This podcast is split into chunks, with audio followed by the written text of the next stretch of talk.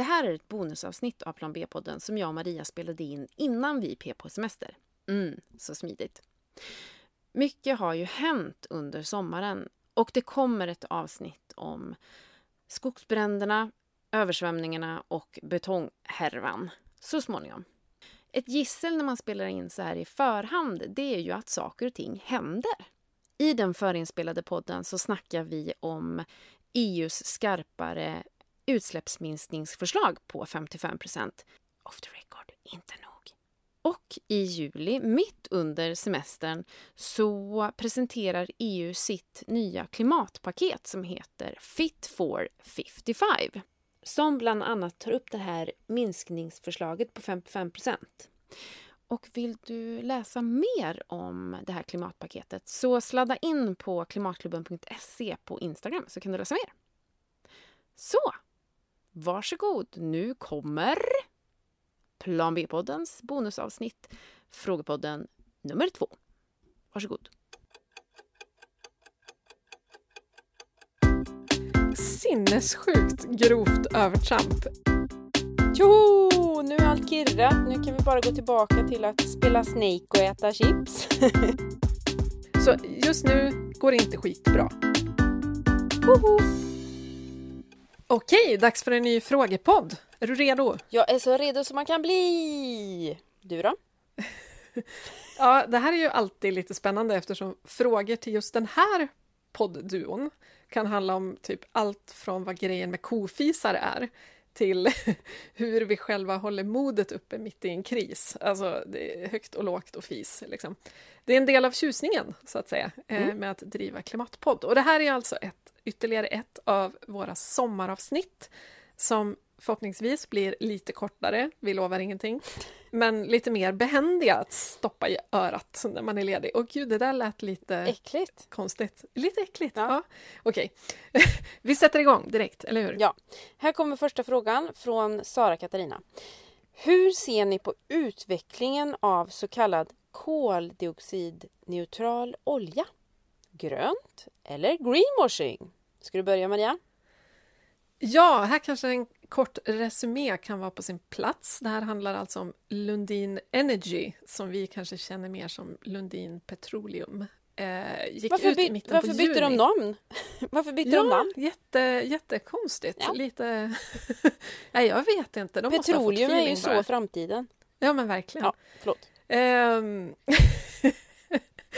De gick ut i mitten på juni med att all deras olja numera är certifierat utsläppsfri. Så det är bara att tuta och köra alltså. Ingen vilseledande marknadsföring här inte. Jo, Eller? nu är allt kirrat. Nu kan vi bara gå tillbaka till att spela Snake och äta chips. Nej. Nej, tvärtom. Det här är ju förstås eh, nytt nordiskt eh, rekord i greenwashing. Vill du förklara varför? Ja, men så gärna så. För det som de här Lundinarna, jag vet inte om de heter Lundin, de i toppen där, men Lundin. Det de har gjort är att de bara pratar om det man kallar scope 1 och 2, det vill säga det som händer inom det egna företaget när man producerar någonting.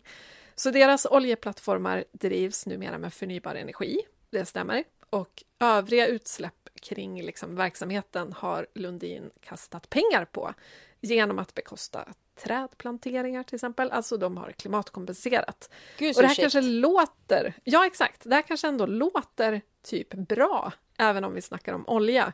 Men sen har vi ju den här lilla detaljen med scope 3 kvar, alltså resten av värdekedjan som består av konsumenterna av deras produkter. Det vill säga, enda chansen att Lundins olja verkligen förblir koldioxidneutral är ju att ingen av alla de som köper oljan faktiskt använder den. Det vill säga, alla bara köper den och förvarar den i en burk i källaren. Mm. Då är den klimatneutral på sin höjd. Och dessutom så måste de förvara den i källaren livet ut och i flera generationer framåt. Aldrig får den användas. Eh, och det verkar ju kanske inte superrimligt att någon skulle vilja köpa koldioxidneutral olja för att sen hårda den i oljetunnor på tomten, eller? Eller hälla tillbaka den i berggrunden kanske. Ja, exakt. Där kan den vara. Olja kan bara bli koldioxidneutral om den inte utvinns alls. Det här är greenwashing och det positiva i det hela är väl att det här är sånt sinnessjukt grovt övertramp. Mm. Eh, att Greenpeace faktiskt tror att det skulle kunna leda till att det blir lättare att få igenom ett totalt fossilreklamsförbud.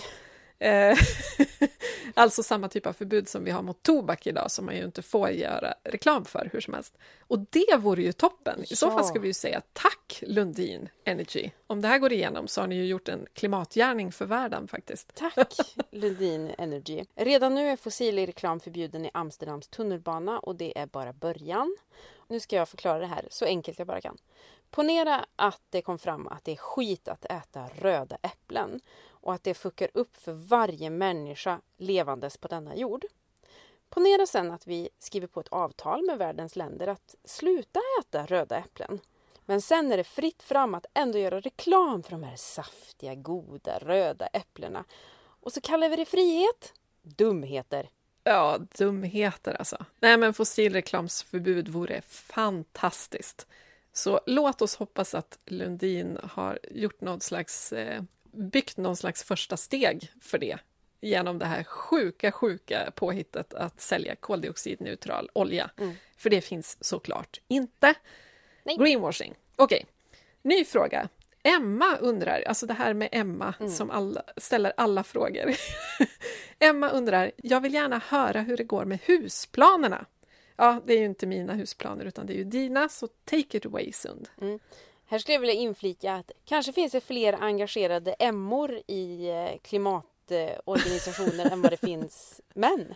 Ja, Nej. ja, det är lite som att det finns fler chefer som heter Göran än kvinnor. Ja, precis. Emma får the win. Ja, men eh, husplanerna, det går bra. Men eh, vi ska, det, går, det går bra med husplanerna.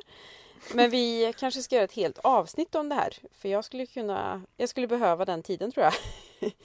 Just precis nu medan vi spelar in podd så gräver en maskin fram berget som vi ska bygga på. Tjoho! Gött! Nu fick jag en bild av Bamses farmors hus på toppen av ett jätte, jättehögt smalt berg. Ja. Men det är inte riktigt ett sånt berg Nej, va? nej, det ska vi inte. Nej men det här är ju jättespännande, men du måste ju bjussa på lite mer som svar på den här frågan, annars Mhm. känner jag att vi underlevererar gentemot våra frågvisa läsare här. Så här kommer en följdfråga. Halmen, hur går det med halmen? Är den redo att bli hus än eller? Eh, ja, okej då. Ja, men alltså, halmen, vi ska ju bygga ett halmbalshus. Alltså man staplar halmbalar på varandra i en träkonstruktion. Förstår man? Som isolering. Liksom. Som isolering, precis. Man bygger Ja. upp en trästomme. Sen så pressar man in halmen mellan eh, träreglar. Och så blir det grym isolering. Men ja, läget är väl eh, att halmen växer upp nu. Så det Mm. finns ett fält där vårt hus växer. Är det inte häftigt så säg? Ett fält med er adress på, på något vis. Ja, precis. Men jag tycker det är coolt att ni kommer att ha ett närodlat hus. Ja, det kommer vara så jädra närodlat ska jag säga dig. Dels halmen då, sen så leran kommer förmodligen komma inte alls långt ifrån. Vi ska återbruka dörrar och fönster som vi har köpt i Arvika. Imorgon ska vi åka och kolla på pardörrar till huset. Jag är orimligt peppad på detta. Och sen så har vi förmodligen fått napp på en gammal husgrund i bygden som vi ska återanvända. Ja, Mhm. Alltså det, det är så spännande det här. Även gamla garderobsdörrar, spegeldörrar till nedervåningen och hyllor till hallen har vi hittat hos en eh, person i bygden. Alltså det här är ju asbra. Bra jobbat! Men du, jag måste ju ställa en följdfråga till då. Vad är du mest peppad på med husbygget Prick just nu? Vad är jag mest peppad på? Mm. Ehm, orangeriet, tror jag. Alltså det kommer bli så vansinnigt fint. Vi har eh, hittat gamla fönster som har suttit i en skola i Väse. Får du googla Jag på vet var det ingen var det ligger. Ja. Jo, får du googla på var det ligger. Ehm, Mm. Så det är, det är jag orimligt peppad på. För att det kommer bli så fint. Men sen så också hitta pardörrar till huset. För de kommer sätta karaktären på hela bygget tänker jag. Och mer om det, detta husbygge i blogg och Instagram och förhoppningsvis podd då, Ja. längre fram. Precis. Ja. Och kanske tv. Kanske TV? Kanske Ja. tv. Vi får se. Kanske TV. Mm. Ja. Här kommer en fråga från Maja. Hur går det egentligen med Agenda 2030? Finns det någon uppföljning så man kan veta hur det ligger till på respektive mål? är ju ändå nio år kvar. Man skulle vilja ha lite statistik, tycker Maja. det tycker Maria också. Eh, jag alltså. Alltså det här är ju en sjukt lurig fråga. Men en rapport som kom från Naturvårdsverket i slutet på mars eh, slår fast att Sverige kommer att missa klimatmålen om vi fortsätter i samma takt som idag. För då kommer våra utsläpp att minska med ungefär 55 procent till år 2045 jämfört med 1990. Men för att nå klimatmålen så måste minskningen vara 85 procent plus eh, diverse kompletteringar som liksom ökar koldioxidupptaget så att vi når det som man kallar för netto noll. Mm. Så just nu går det inte skitbra, kan vi väl Det är säga. ga- ganska stort glapp mellan 55% och 85% kan jag tycka. Ja, lite grann. I våras lades ett lades, la, las? I våras la man fram ett förslag om att EUs medlemsländer ska minska sina utsläpp med 55% till 2040. Alltså inte 2045 utan 2040. Så snart så kanske det är lag, även om det är väldigt, väldigt, väldigt, väldigt, väldigt lågt räknat. I samma uppgörelse snackades det om att eh, länder inte heller ska kunna köpa sig loss, alltså reglera sina utsläpp genom att plantera träd eh, i samma utsträckning som man har gjort, utan faktiskt börja jobba och försöka påverka utsläppen, inte bara leva la vida locka och hoppas på det bästa. Precis, men vi ligger ju sjukt mycket efter och det gör ju i princip alla länder. Det går liksom alldeles för långsamt och problemet är ju att ju längre tiden går, desto brantare måste ju liksom kurvan över utsläppsminskningar bli för att vi har inte tid att såsa runt. Liksom. Men det här tycker jag är så intressant för, för Sverige anses ha ambitiösa mål. Jag tycker inte att ett klimatmål kan vara ambitiöst, ärligt talat. Alltså, Nej, Alltså, men jag, gud tycker det är så kon- jag tycker det är så konstigt att man pratar om ambitiösa mål. Jag tycker att klimatarbete kan vara ambitiöst däremot. Även om jag inte har sett något. men ett mål... Nej, men det är ju sant. ett, ett, Ett mål är ju inte ambitiöst, ett mål är ju ett mål. exakt! Alltså. Det är så konstigt. Jag tycker vi ska jämföra lite med Nederländerna. De ska sänka sina utsläpp med 55% till 2030. Alltså 15 år tidigare än Sverige. Vad blir det? Och i, i Storbritannien så pratar man om att man ska ha en 78-procentig sänkning av utsläpp till 2035. Hoho! Så det Sverige. händer ju saker här och var, men Sverige ligger kanske inte så i framkant som vi tror. Och generellt så krävs det mer av alla. Sen tycker jag också att det är intressant att Maja ställer den här frågan för att eh, liksom det här att hon undrar var man kan se hur det går. För den här informationen till allmänheten måste ju också bli supermycket bättre och det finns något som heter artikel 12 i Parisavtalet som handlar om eh, ja, men människors rätt till delaktighet och tillgång till information om klimatfrågorna. Eh, vi har rätt att veta hur det går, helt enkelt, Mm. på ett enkelt sätt. Och det här är ju en superviktig fråga som måste prioriteras högre, för det här handlar ju också om att faktiskt motivera folk att eh, dra sitt strå till stacken. Liksom. Så jag vill ju också veta hur det går, precis som Maja vill. Jag vill veta hur det går i Sverige i stort, jag vill veta hur det går i min hemkommun, typ jag vill veta hur det går på min gata om jag ska vara helt ärlig. Var är sajten som visar nuläget överallt? Ja, och som är lätt att förstå, som inte innehåller en enda jävla pdf eller rapport som man måste läsa till, sig till svaret, utan lite färg kanske, har aldrig skadat. Eh, staplar och eh, enkla ryckcitat. Eh, Exakt. Ja, eh, paketering, hörni. Det ska inte krävas en doktorshatt för att man ska förstå hur ens framtid mår. Vi gjorde Nej, faktiskt verkligen. vi gjorde faktiskt en enkät bland Klimatklubbens medlemmar för någon månad sedan där vi frågade just hur bra kommunerna är på att snacka klimat och eh, resultatet var ju ganska så glasklart. Majoriteten tycker att kommunen inte ger medborgarna tillräckligt med information och man vill ha mer. Precis som Maja, precis som du och precis som jag. Vi vill ha mer Exakt. information, tydligare information. Dessutom så tycker många att kommunerna verkar fatta beslut som strider mot klimatmålen. Och många betvivlar att de som bestämmer kan tillräckligt om klimatkrisen. Skrämmande. Verkligen, det är ju helt sjukt egentligen att vi, vi har politiker som bestämmer. Eh, vi tycker att de fattar beslut som går åt fel håll och vi betvivlar att de vet vad de håller på med. Mm. Alltså det- vi har ett visst problem här, ja. I ett tidigare avsnitt så, så pratade vi om obligatorisk eh, klimat och miljökunskap för alla som sitter på beslutande poster. Ja tack. Ja tack. Jag vill ju även ha ett nationellt prov varje år också. Som redovisas offentligt så man kan se vem man ska rösta på. Ja men exakt. Ja, här kommer en fråga till från en Emma som inte är du. Du ser! ja, ja, jag är, jag är liksom helt med på din linje här. Det Mm. finns jättemånga klimatemmor. Det är ingen snack om saken. Okej, här kommer frågan.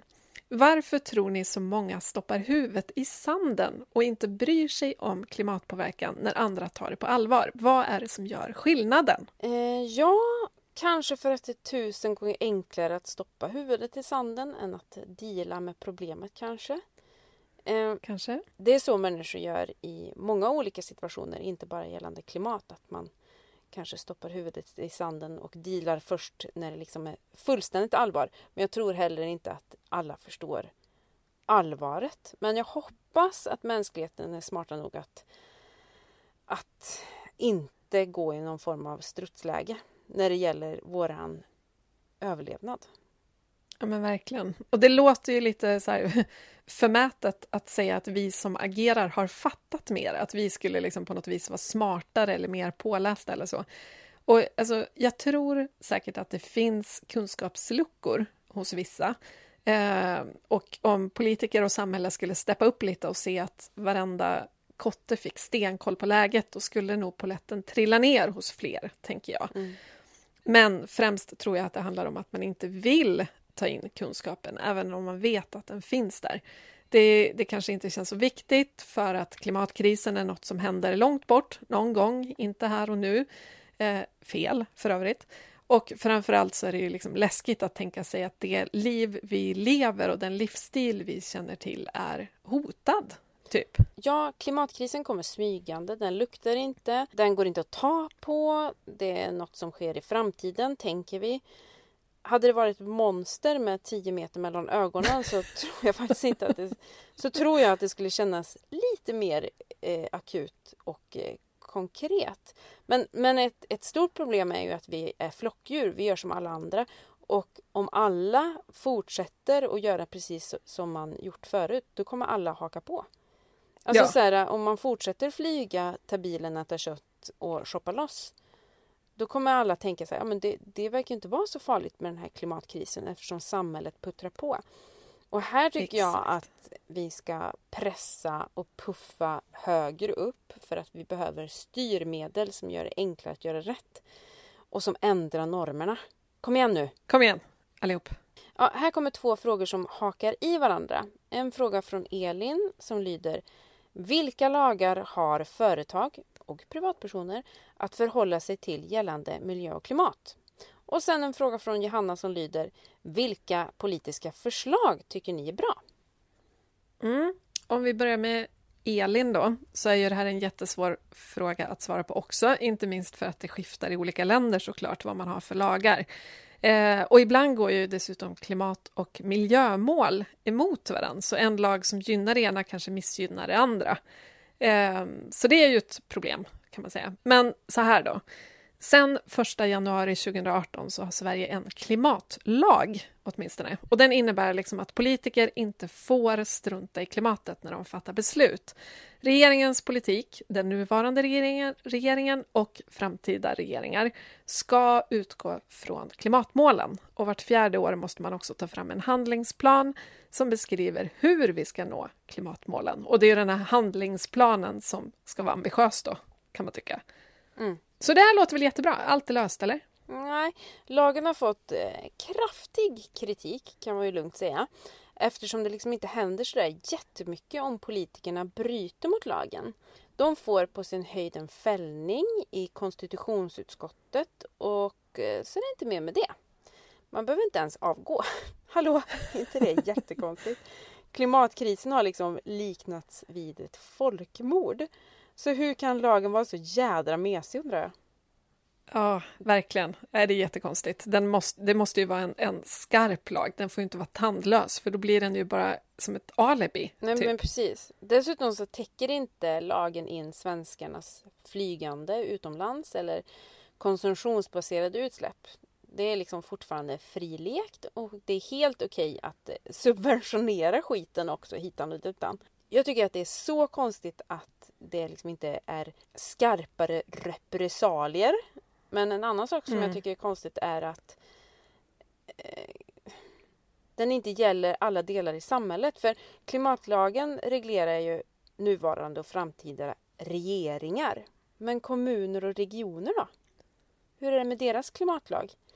Man undrar Mm. ju hur det kan finnas många kommunalt ägda flygplatser om det finns en klimatlag. För det strider ju Ja, men verkligen. Eller alltså, rättare sagt, beslutet om att bygga de flygplatserna togs ju långt innan lagen fanns eftersom den har bara tre år på nacken. Mm. Men däremot så borde det ju vara svårt att stoppa förslag om att lägga ner flygplatser då, kan man tycka. Ja, eller gå in Eftersom med satsningar. lagen finns.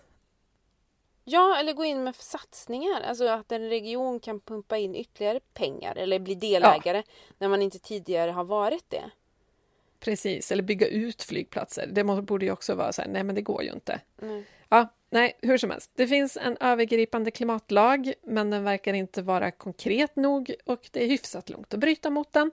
Eh, dessutom kan ju vi som väljare försöka Dä- Däremot kan ju vi som väljare försöka påminna om den här lagen så fort det verkar fattas beslut som inte tar hänsyn till klimatet, tänker jag. Mm. Man bara, upp, upp, upp, upp, har du läst klimatlagen? Mm. Det borde vi faktiskt bli bättre på att sätta press på våra politiker som är st- ständigt närvarande en liten eh, klimatirriterande polis.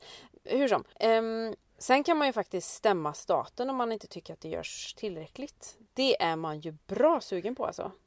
Ja, alltså, är det, är det ett, ett nyårslöfte eller? Ja, men alltså jag är övertygad om att människor och organisationer kommer att stämma skiten ur företag och stater inom de närmsta året. Så jag säger bara se upp. Och det har ju redan börjat. I Nederländerna dömdes staten till att under 2020 minska landets samlade utsläpp med minst 25 procent jämfört med 1990 års utsläpp för att skydda människors hälsa och liv. Alltså, gjorde de det då? Vet vi det? Eh, ja 2020. precis, för nu har ju det, eh, nu har ju det året passerats. Jag vet faktiskt ärligt talat inte. Men det är ju ändå en ganska cool dom. Bara, skärp er! Ja. Liksom. Ja. I Frankrike har fyra miljöorganisationer stämt den franska staten för att inte vidtagit tillräckligt med åtgärder för att möta klimatkrisen.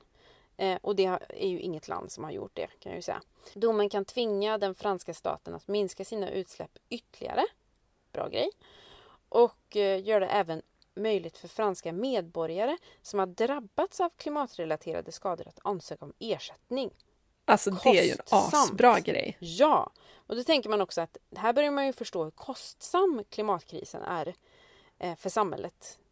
Inte bara Ja, skadar exakt. utan, och det tror ja, eh, sidospår, men här, det här pratar man ju sällan om. Vi pratar ofta om att det kommer bli nyckfullare väder och havsnivån kommer höjas.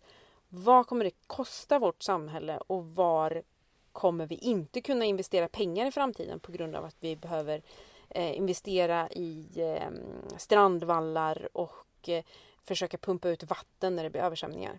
Mm. Ja, Vad är det som ryker? Är det kulturen? Är det... Eh, ja, kulturen kommer ju ryka hyfsat snabbt alltså. Alltså, Fan vad deppigt. ja, fan vad deppigt. Då ja. blir det inte kul kan jag säga. Då blir det inte roligt. Nej, det blir det inte. Nej. Exakt. Så eh, lös klimatkrisen så vi kan fortsätta ha det lite gött i livet. Ja, och vi ska ju lägga till att det faktiskt pågår en slags stämningsprocess mot svenska staten också. Det här är inte bara något som sker utomlands, eller hur? Aurora-målet, det är en grupp ungdomar och barn som nu har gått samman för att eh, stämma den svenska staten. Och planen är att göra det innan året är slut, alltså 2021. Yes, Så heja, med heja. hjälp av jurister. Så det är ju Precis. liksom uppstyrt på riktigt det här. Alltså, stämma staten är en ganska mäktig grej att ha på sin CV när barnbarnen frågade vad man gjorde när man hade chansen, så att säga. Ja. Eller? ja, nästan lika mäktigt som att kunna säga ärligt till sina barn. Du behöver inte oroa dig, det kommer bli bra. Om någon vill vara med och stämma staten så hör av er. Aurora-målet ska ledas av unga och barn. Det är viktigt. Men vi eh, vuxna kan såklart hjälpa till.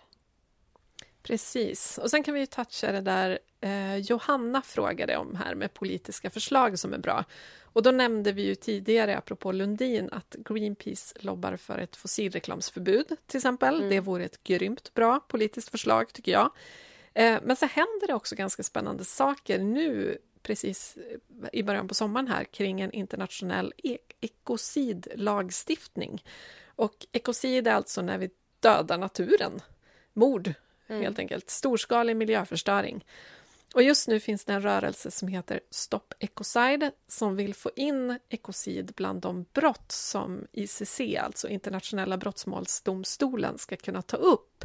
Och många har ställt sig bakom den här kampanjen, till exempel Greta, påven mm -hmm. och faktiskt också president Macron i Frankrike. Frankrike igen. Mm. Så att det här är ju inte bara liksom aktivister, utan det är även påven och en president. Så förhoppningsvis så leder ju den här till någonting. Och det grymma med en ekocidlagstiftning vore ju att det faktiskt blir lättare att vägra företag tillstånd också att eh, liksom gå loss med klimatkorkad verksamhet som att eh, pumpa upp olja till exempel. Mm. Apropå Frankrike så har ju de en del vassa lagar. De har kommit ganska långt gällande just eh, lagstiftning och vi vill ju gärna göra ett avsnitt bara om Frankrike. Ja, vi nämner dem hela tiden. Ja, vi måste, vi, nu har vi pratat om det ett år, nu måste vi snart göra det. Men dels har de en matsvinnslag som gör det förbjudet för livsmedelsbutiker att slänga fullt ätbar mat. Rimligt. Det är i grunden en rättviselag, alltså att ingen mat ska slängas när andra går hungriga. Men eh, klimatet tjänar ju ganska mycket på det också, kan man ju säga.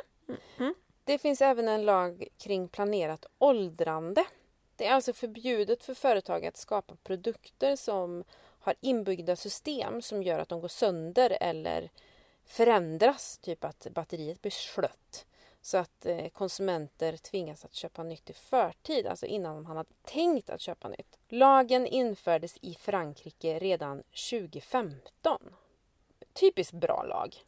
Ja men verkligen. Jag är lite nyfiken över, med tanke på att vi liksom handlar så mycket över gränserna, att vi köper saker i internationella webbshoppar och det är internationella bolag som producerar det vi köper, mm. hur det funkar rent praktiskt. Men alltså det är asbra mm. att de har infört det här, att de går före och visar att det går.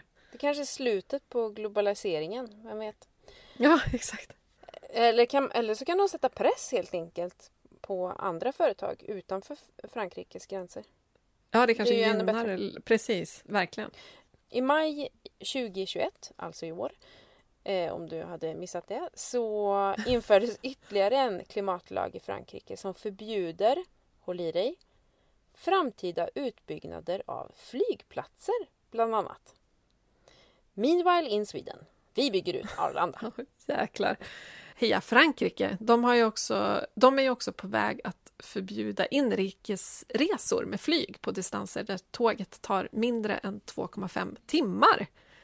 Rimligt. Mm. Ja, så är det. Ja, ja. Låt oss hålla tummarna för ekocidlagstiftning. Eh, och så tar vi sista frågan från Maja. Samma Maja som frågade om Agenda 2030 tidigare har en fråga till.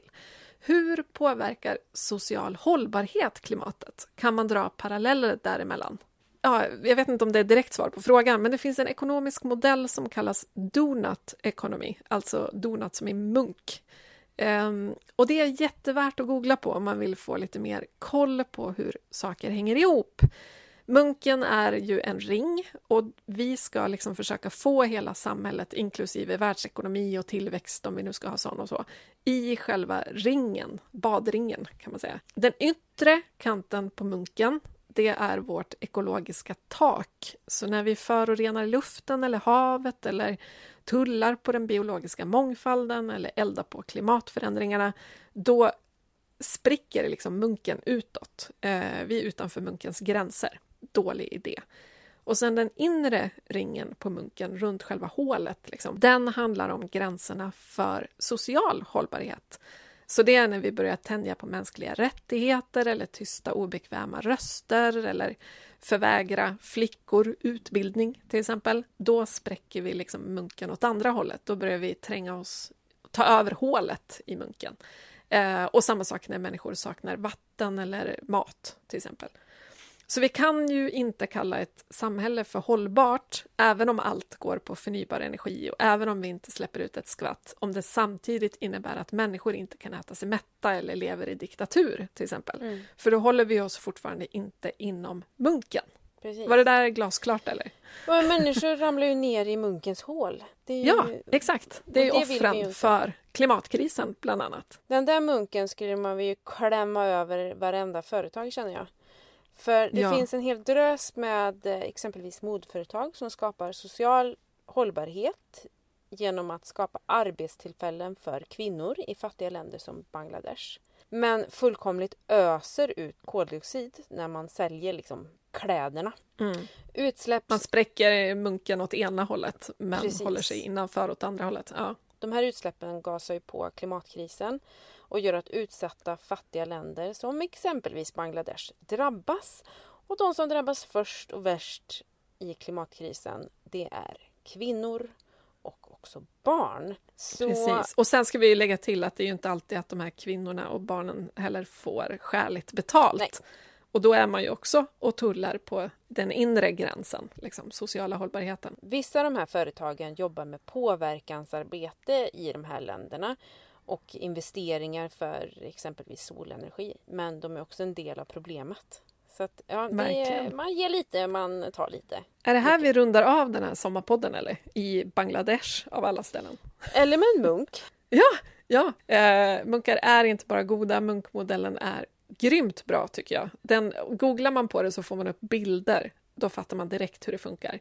Eh, och den lämnar liksom noll utrymme för kreativa tolkningar Mm. av allehanda klimatstrutsande politiker och företag. Så att den är liksom himla bra att hytta med när någon försöker påstå att de är hållbar. Mm. Sprid tanken om donut economy till andra, tycker jag. Ja, jag gillar munkar, munkar, munkar med hål i. Och där tackar vi för oss för den här gången. Det är så, vi är så redo för semester nu, jag känner det. Gud! Följ oss på Plan B-podden på Instagram. Maila oss fler frågor till planbpodden gmail.com så kan vi göra ett tredje frågeavsnitt i höst kanske. Mm. Och nu har vi bara ett sommarpoddsavsnitt kvar. Stay tuned! Kram och hej! Hej då!